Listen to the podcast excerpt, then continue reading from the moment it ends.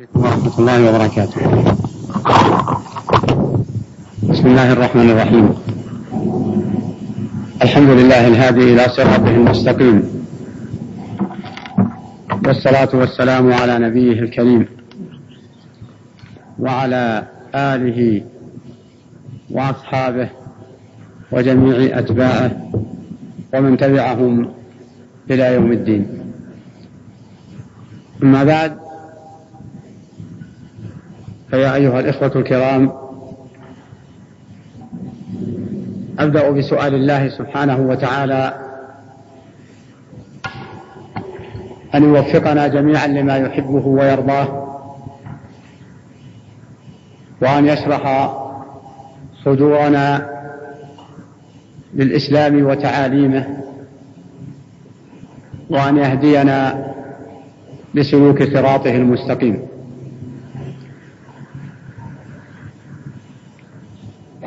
وثانيا أبدأ بالموضوع. فأقول أيها الإخوة إن الله سبحانه وتعالى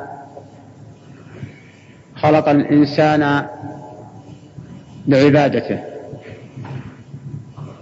ثم رسم وبين له الطريق الذي يعبده به. والطريق الذي يتعلم منه كيف يصل إلى رضا ربه؟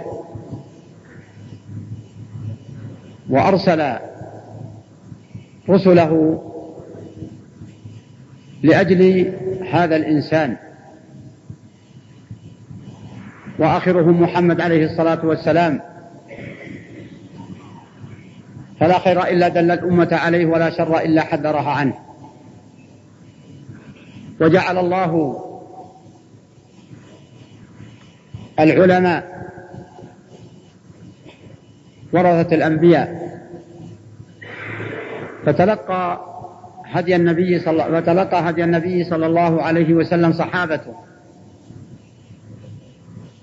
وأخذ منهم أتباعه أتباع الصحابة.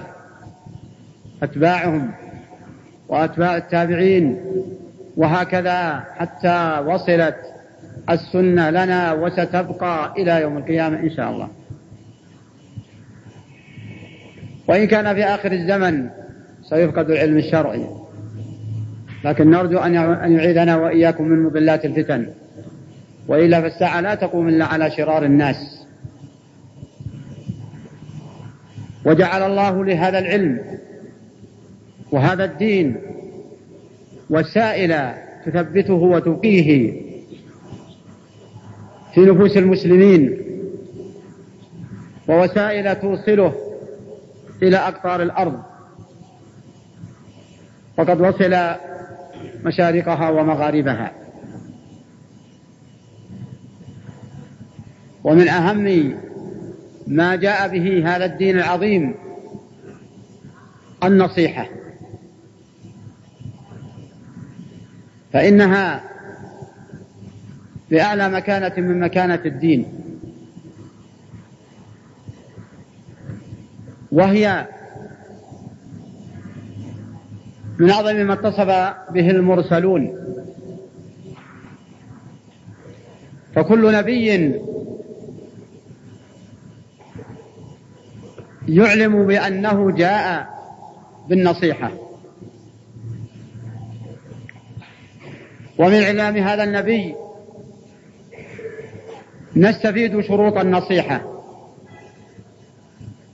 فهذا نوح عليه السلام يقول لقومه وأنصح لكم وأعلم من الله ما لا تعلمون.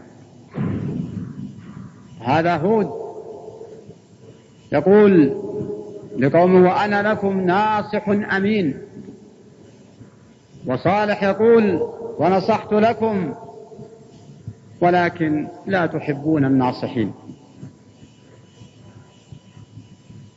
فدل هذا على أن النصيحة لها شأن عظيم ولها مكانة عالية. وفيها قال النبي صلى الله عليه وسلم الأحاديث الكثيرة من أوضحها وأجمعها. قوله صلى الله عليه وسلم الدين النصيحة. الحديث الذي رواه مسلم في صحيحه. الدين النصيحة. الدين النصيحة ثلاث مرات. ذلك للتأكيد. ولا يؤكد شيئا إلا لعظمته ومكانته عند الله وعند رسوله. حتى قال الصحابة لمن يا رسول الله؟ قال لله ولرسوله ولكتابه ولأئمة المسلمين وعامتهم خمسة. إذا كانت هذه الآيات وهذا الحديث تظهر لنا أهمية النصيحة فالمتحتم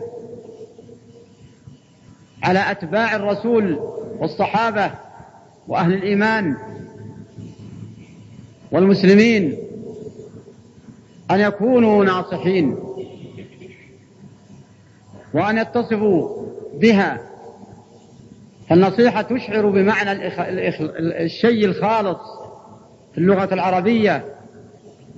ولهذا يصفون العسل المصفى من الشوائب الخالص من الشوائب بأنه ناصح خالص. وهكذا.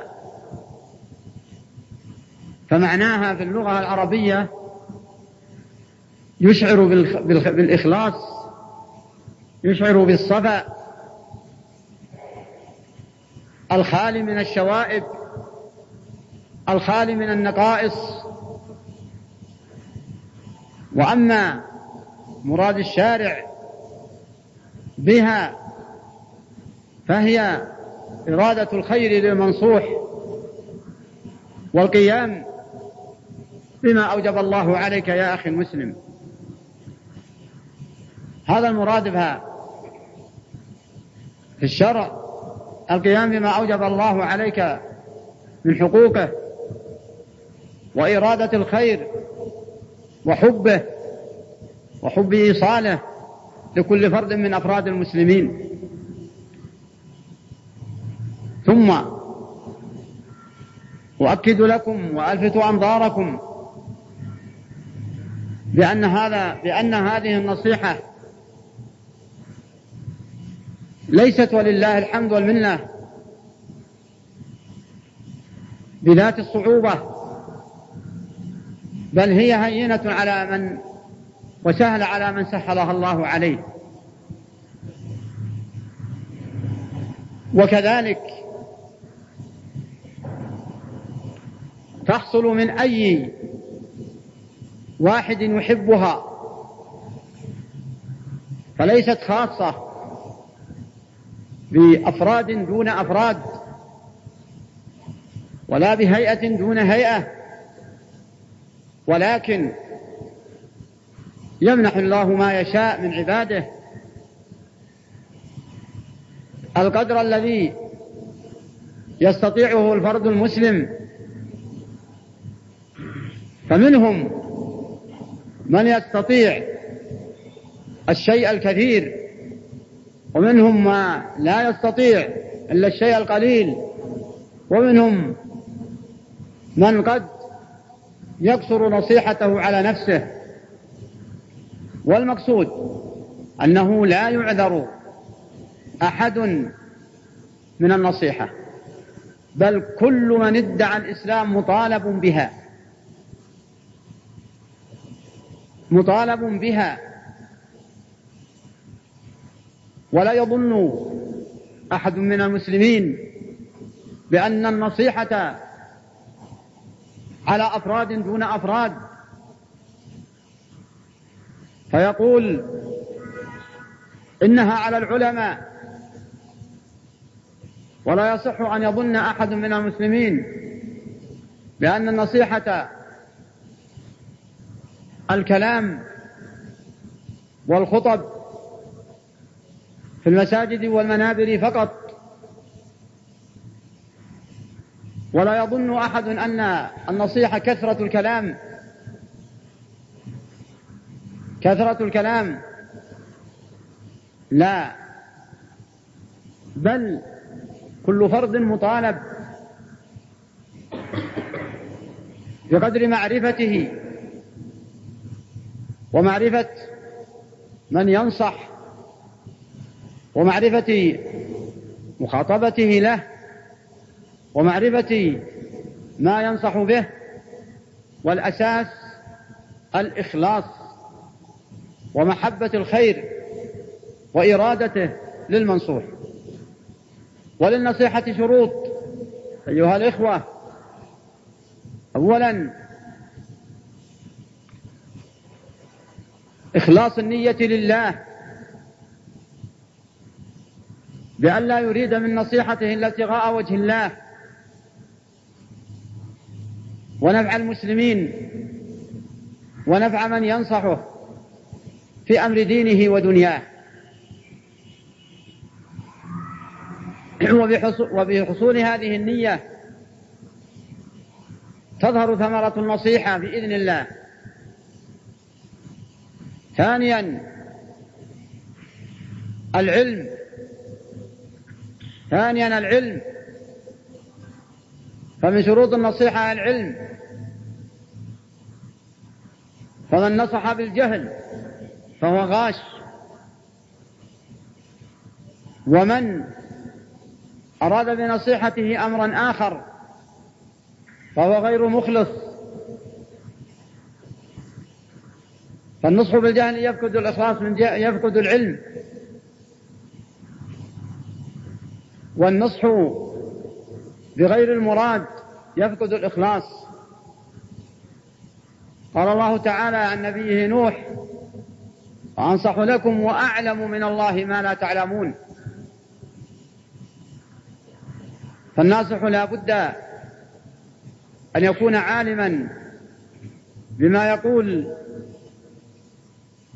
وعالما بحكمه ومقدرا لنتائج النصيحة. كما سيأتي إن شاء الله. فلربما فلربما تحب النصيحة وترغبها ولكن يغلب على ظنك عدم فائدتها. لظروف تلابس المنصوح. فيكون النصيحة الكف الكف عن ذلك. ربما ترغب النصيحة ولكن لا أسلوب عندك لإبدائها وإخراجها. ولا دليل لك على ما عندك. فترك النصيحة لمجرد الرغبة من دون علم أولى لك. الشرط الآخر الأمانة. وأنا لكم ناصح أمين. فليس بخائن. فلا أخالف ما أقول. ولا أعطيكم ما يضركم. وإنما أنا أمين على ما أنصحكم عليه. على ما أنصحكم عليه. فلتلاحظ هذه الشروط في النصيحة. أما أهميتها من السنة أما أدلة أهميتها من السنة فمن هذا الحديث الذي سمعناه الدين النصيحة يكررها الرسول عليه الصلاة والسلام ثلاث مرات. هذه الجملة. ويقول بعض العلماء إن هذا الحديث هو أحد الأحاديث التي يدور عليها الفقه في الدين. يدور عليها الفقه في الدين. فما أعظمه من اعتبار من هذا العالم. ويقول الآخر إن هذا الحديث أحد أرباع الدين. فإذا حفظته وتأملته وتأملت معانيه فقد تحصلت على ربع الدين. وليس التحصل على ربع الدين بأن تحفظ ألفاظه وإنما بأن تحفظها وتعلم معانيها. ومن الأحاديث الدالة على مكانة النصيحة. قوله صلى الله عليه وسلم من لم يهتم بأمر بأمر بأمر من أمور المسلمين بأمور المسلمين فليس منهم. يهتم فليس منهم. بالكم. خذوا هذه الجملة وخذوا التي بعدها. ومن لم يهتم بأمر من أمور المسلمين فليس منهم الجملة الثانية ومن لم يصبح ويمسي ناصحا لله ولرسوله ولكتابه ولأئمة المسلمين فليس منهم فما أوضحها من أحاديث كلام نبوي ومن لم يهتم بأمر من أمور المسلمين. لا تأخذ هذا الجملة من الحديث. ثم تجعله ركيزة مرابة في نفسك.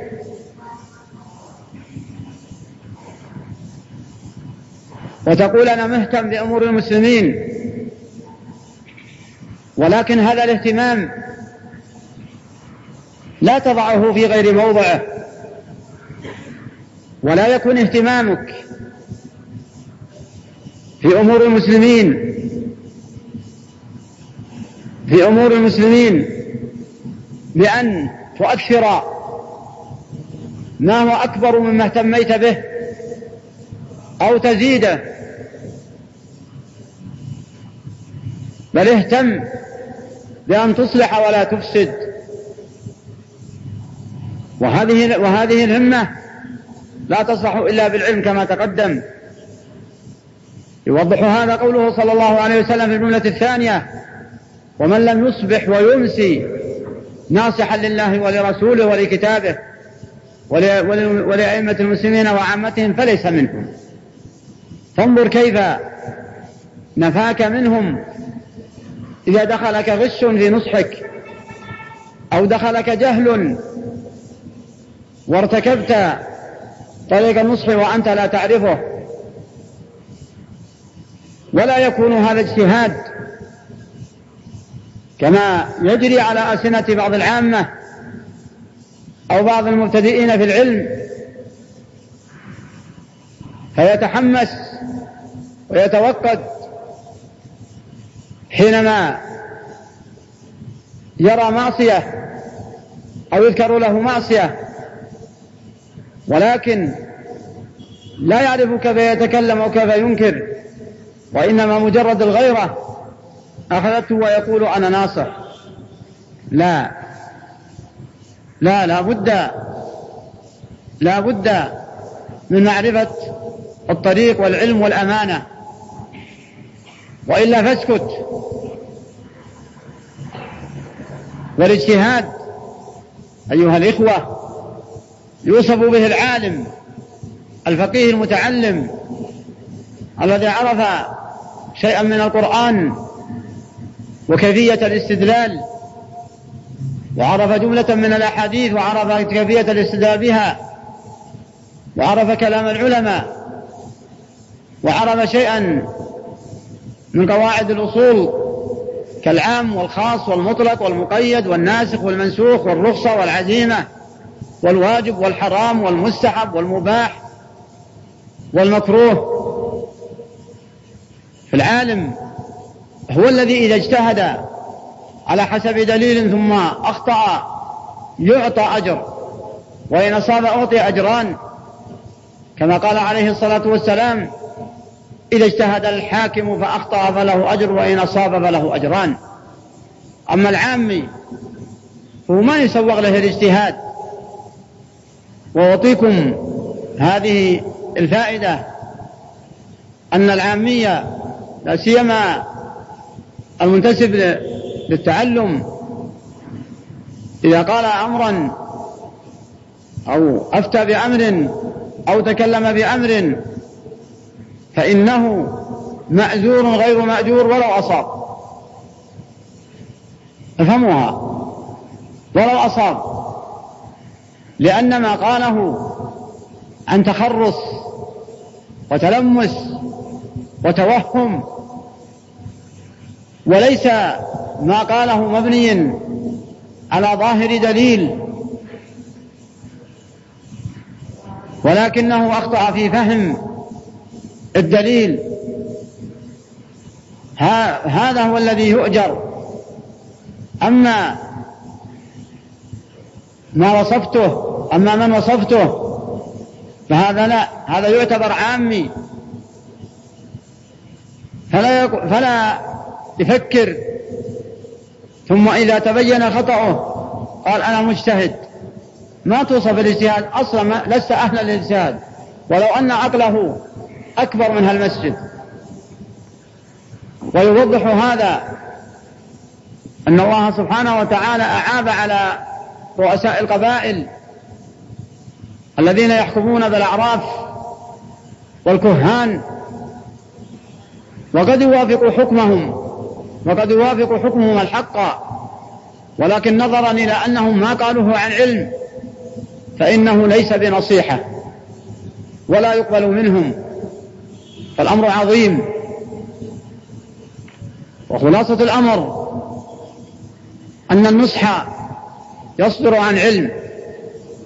بمعنى أنك استندت على كتاب أو سنة أو قول صحابي أو قول عالم معتبر عالم معتبر معروف بحب الحق وحب اجتماع المسلمين وحب النصر للمسلمين ويكره الفرقة ويكره الفتن.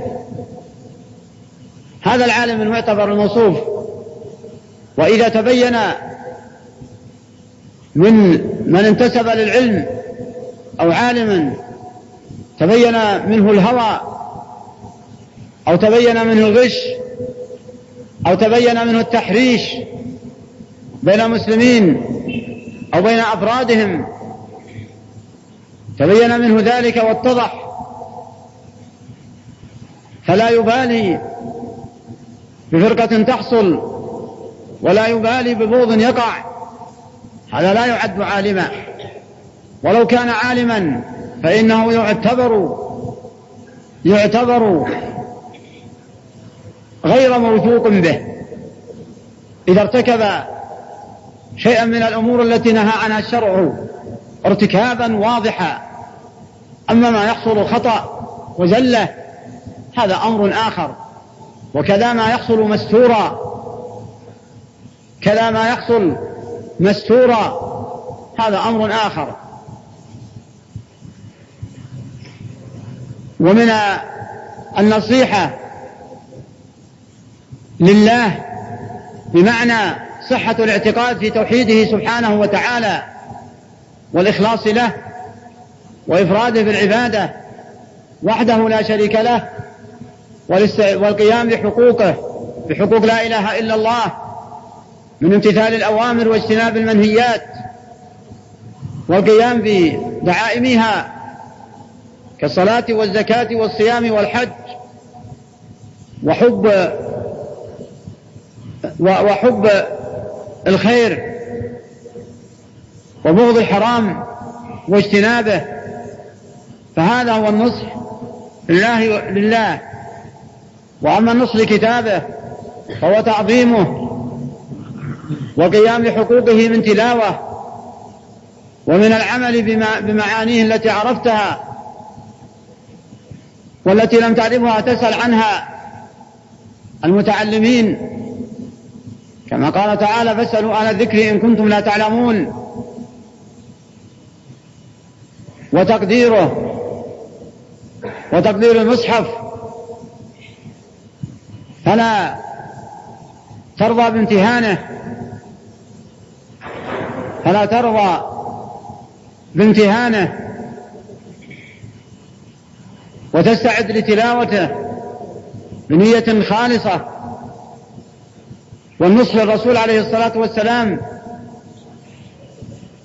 بأن تؤمن برسالته وأنها حق وأن تستعد لمتابعته وتتابعه بالفعل وتعتقد ذلك. وأنه خاتم الأنبياء وأنه الشافع المشفع في المحشر يوم القيامة وأنه الذي أنزل عليه هذا القرآن الذي هيمن على سائر الكتب. هذا النصح للرسول عليه الصلاة والسلام. وأما النصح لأئمة المسلمين فإنك تعتقد محبتهم وتكره بغضهم وتفرح لهم بالخير وتؤيدهم على الحق وتؤيدهم على الحق وأن تكره ما يسيء إليهم ما يسيء إليهم وأن تكره الخروج عليهم وأن تكره من ينازعهم الأمر.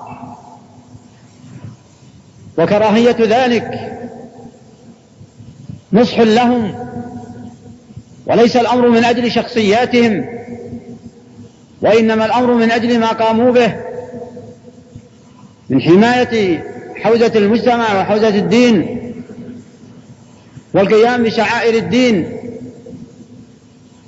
من صلاة وجمعة وأعياد وحماية للثغور وإقامة للحدود وتأمينا للسبل وتأمينا للسبل فما أعظمها من مصالح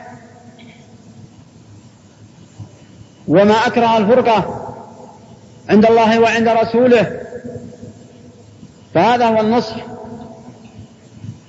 أو شيء من النصح لولاة المسلمين وأن وأن تدعو لهم وتحذر من الدعاء عليهم.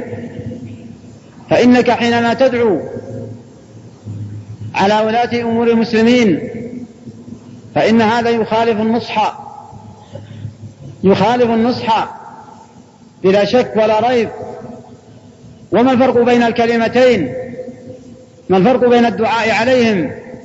وبين أن تمد يديك في جوف الليل الأظلم وتقول يا رب يا رب أن تهديهم سواء السبيل وأن ترزقهم البطانة الصالحة تعينهم على الخير إذا ذكروه وتذكرهم إياه إذا نسوه. اللهم أعدهم من بطانة السوء.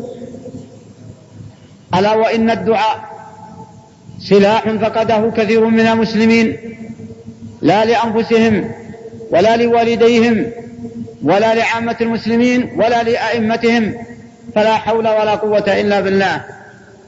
ألا وإن هذه خصلة لا يحمد عليها الإنسان. فكأنه يستبعد ما عند الله وكأنه يستضعف قوة الله وكأنه يستقوي قوته حينما يبغض أحد. وكأن الميزان عنده نفسه الشريرة. هي الميزان. فليتق الله المسلم. وليحسن الظن بربه. ولا يحتقر دعاءه ربه. ربما إن الله يستجيب له. لك يا أخي المسلم. لفرد فينفع الله المسلمين بذلك. هذا هو النصح. وأما بغضهم والدعاء عليهم. هذا ليس بنصح. ليس بنصح. وقد جاءت السنة بالأمر بنصيحة بالنصيحة على وجه العموم كما في هذا الحديث لله ولرسوله ولكتابه ولأئمة المسلمين وعامتهم.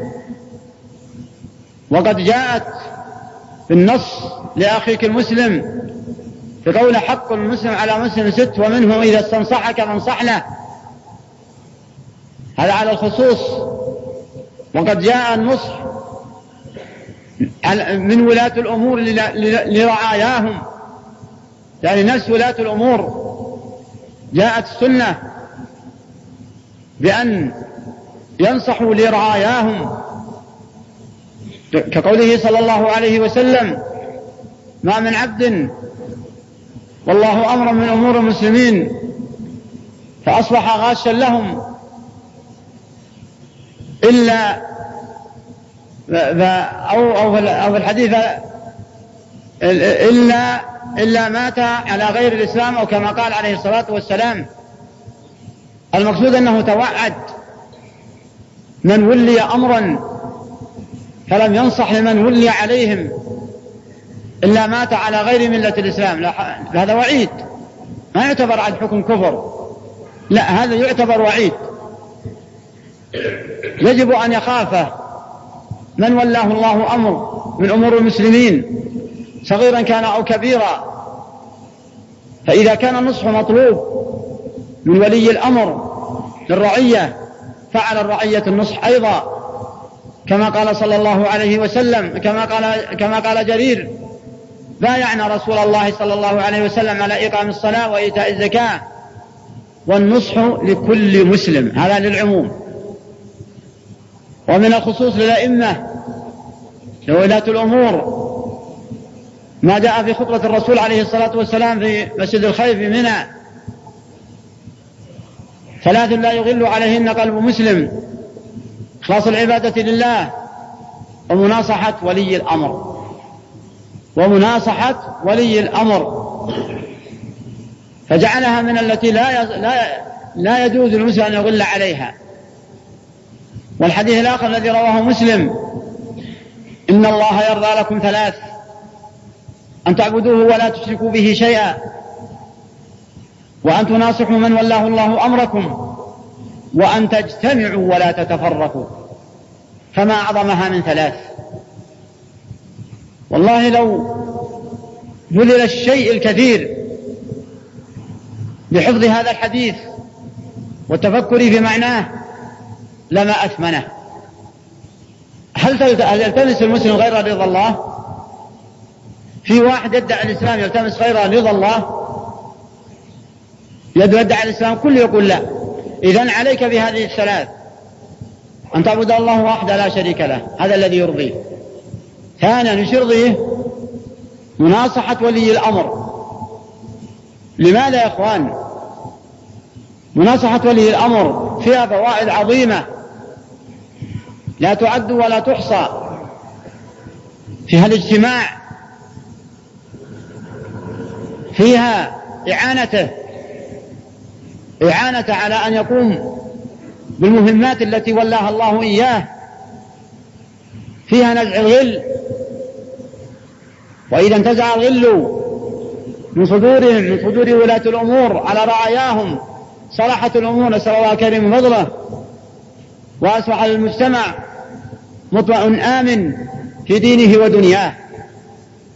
ومناصحة ولي الأمر ثالثا وأن تجتمعوا ولا تتفرقوا. إن مناصحة ولي الأمر في الإسلام جاء ضد ما عليه الجاهلية وضد ما عليه الكفار فإنهم يعتبرون منازعة أمرائهم يعتبرون منازعة أمرائهم وكبرائهم ورؤسائهم يعتبرونه فخرا. فلهذا طيلة سنينهم وهم في حروب وقتال. كما هو معروف في حرب بسوس ويوم بعاث. وما حصل بين ذبيان وعبس في دير الحجاز. ويفتخرون أنهم ينازعون أمرائهم يجعلون فخرا أنه ما يخضع. والذي لا يخضع لمن جعل الله له عليه أمرا كأميره أو أبيه أو مديره أو أمه الذي لا يخضع لأوامرهم ما دامت حقا فإنه يعتبر غاش وغير ناصح. والخضوع بمعنى قبول للحق من هؤلاء فإن أمروه بمعصية فإنه يخرج عن العمل بها من غير أن يؤثر عليهم. فلا يحنق ويدعو. تأمروني بالمعاصي ثم يغضب على والديه أو يغضب على مديره فيحمله على الإخلال بالعمل. لا إن هذا أمر لا يجوز. ولكن حينما يؤمر ممن له عليه أمر بمعصية يقول اسمح لي هذه معصية لله. وقد قال الرسول عليه الصلاة والسلام لا طاعة لمخلوق بمعصية الخالق. بمعصية الخالق. أما وأن يأتيك الشيطان فيقول أبوك يمنعك أن تذهب. من هنا ومن هنا. ف... فهذا لا يريد لك الخير. فأغضبه واخرج مع أي جماعات كانت. فإن هذا غلط. وقد خالفت أباك ولم ترضه. وإذا نهاك أبوك عن شيء فانته إلا إذا نهاك عن واجب أوجبه الله عليك فقال لا تصلي لا تحج فرضك. فخالفه بأسلوب أيضا. هذا أمر لله يا والدي. أما النوافل حتى النوافل لو نهاك عنها لحاجة له فابدأ بحاجة والدك. ولهذا قال العلماء لو قال الوالد لولده أخر الصلاة إلى آخر وقتها حتى تؤمني وتصلي بي وجب عليه. وجب عليه لأن الصلاة في أول وقتها فضيلة وطاعة الوالد واجبة.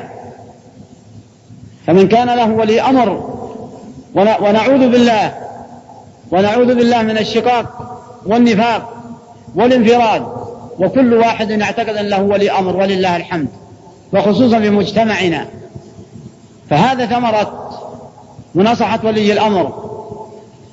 وأن تجتمعوا ولا تتفرقوا احذر مما يوقع الاجتماع الفرقة. فإن الفرقة شر. كره الله كرهها الله وكره وكرهها رسوله صلى الله عليه وسلم. الفرقة شر. وإذا كان هناك معصية تحف بولاة الأمور أو تحف بالمجتمع وجاءك الشيطان وأعوانه وأغروك فالتمس الطريق المشروع؟ فإن كنت قادرا متسلحا بالعلم والصبر وعارفا للطريقة فاسلكها فإما أن تؤثر فتسلم ولا فإما أن تؤثر فهذا خير. أو تسلم. وحينما تخالف هذه الطريقة التي رسمها الرسول اللي هي المناصحة فإنك تعتبر مطالب والمطالب لا بد أن يقيم على مطالبه إذا لم يطعه. وهذه طريقة ليست بطريقة أهل السنة والجماعة. النصح يجب علينا وجوبا عينيا أن نعرف فقهه. ولهذا قال العلماء يشترط لنصح ولاة الأمور شروط منها أن تكون مخلصا لله وأن قصدك إصلاح صلاح وصلاح الرعية وأن تناصحه سرا. أورد إشكال على العلماء. قالوا وكيف نعرف النصح لله؟ كيف نعرف إن إحنا كيف نعرف الإخلاص؟ صلاح النية. قال تعرف صلاح النية بأنك إذا دخلت ونصحته ونصحت الأمير ثم خرجت لا تخرجه لأحد. لا تقول أنا رحت وذهبت ودخلت على الأمير ودخلت على الحاكم ودخلت على الملك ودخلت على الرئيس. فإنك حينما تقول هذا الكلام راحت النية وبطل نصحك. لأنه يقول ما جاءني لينصح جاءني ليعلم العوام والهوام بأنه يدخل على الأمراء ويدخل على الرؤساء. تفقهوا للأمر بالمعروف والنهي عن المنكر. والنهي عن المنكر. هذا الصحابة هل يعتقد أحد أننا أفضل منهم؟ فما حصل من المنكرات. وما علم أنهم أنهم شنعوا بواحد بعينه. وإنما ينصحون ينصحونه إذا شاهدوا المنكر. قالوا هذا ليس من سنة الرسول عليه الصلاة والسلام. هذه هذه هذه نقطة. وإذا خشوا من الفرقة والفتنة سكتوا. هذا ابن عمر ابن الخطاب رضي الله عنهم وأرضاهم. يأخذ العمر معاوية البيعة ليزيد بالحرم. وكلهم لا يريدون يزيد لما لما هو معروف فيه. ويقول ابن عمر كنت محتبيا. فكل ما أردت ورفع رأسي يقول لا بيعة ليزيد. تذكرت تفرق الجماعة فطأطأت رأسي. فالأمر عظيم. وليس كل من ادعى النصح يجب أن يتعلم. أن الله يرضى لكم ثلاثا تعبدوا ولا تشركوا به شيئا. وأن تجتمعوا ولا تتفرقوا وأن تناصحوا من ولاه الله أمركم. ومن آداب النصيحة أن تكون أن تكون سرا. هذا أفضل النصائح. سئل أحد قال عبد الله بن مبارك أفضلها أن تكون سرا. فإذا نصحت أخاك علنا فقد فضحته وإن نصحته سرا فقد نصحته. قيل لابن عباس تابعين أخوانه وصحابة ما هو شغلنا قيل لابن عباس رحمه الله رضي الله عنه وأرضاه هو وأبوه. سئل أن نصح ولاة الأمور. قال إن كان ولا بد فسر. يعني سر بينك وبينه.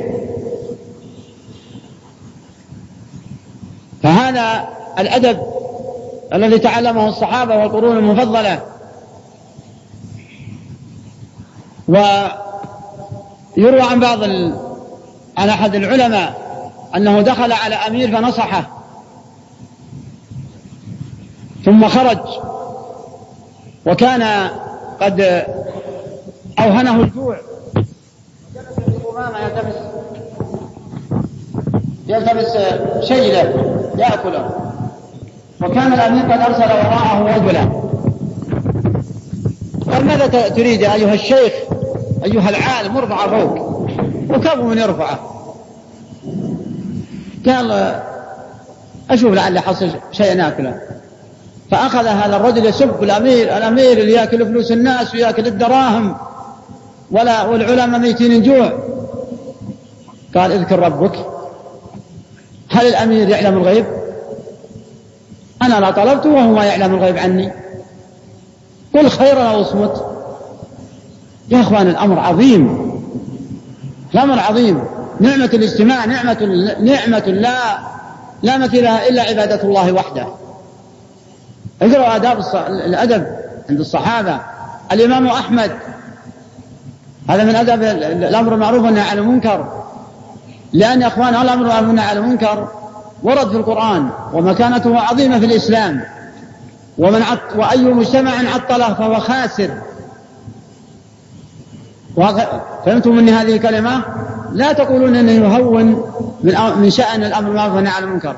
هذه لا يفهمها مني إلا ذو إلا سيء الفهم أو سوء عنده شيء آخر أو عنده أمر آخر. الأمر بالمعروف والنهي عن المنكر مكانته عظيمة في الإسلام.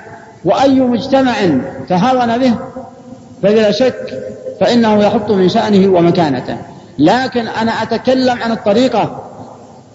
طريقة الأمر والنهي عن المنكر لا بد أن تتعلمها إن أردت تعلمها وإلا فاترك حتى لا يكون ما, ما تعمله فساد ما تعمله أكثر من أكثر مما من صلاحه.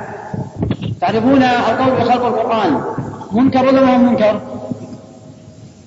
اللي هو ظهر على لسان المأمون وأجبر الناس عليه. فمن العلماء من سكت وقال وأقر بلسانه. خوفا من الضرب والإيذاء. ومنهم من هرب كالشافعي. والإمام أحمد ثبته الله. الله يثبتنا وإياكم على قول الثابت الدنيا والآخرة. ولما مات المأمون وأراد الناس أن يبايعوه أن يبايعوا الواثق اجتمع الفقهاء عند الإمام أحمد. شوفوا النص أخوان؟ فقالوا لا نرضاه واليا ولا ولا نبايعه ولا نريد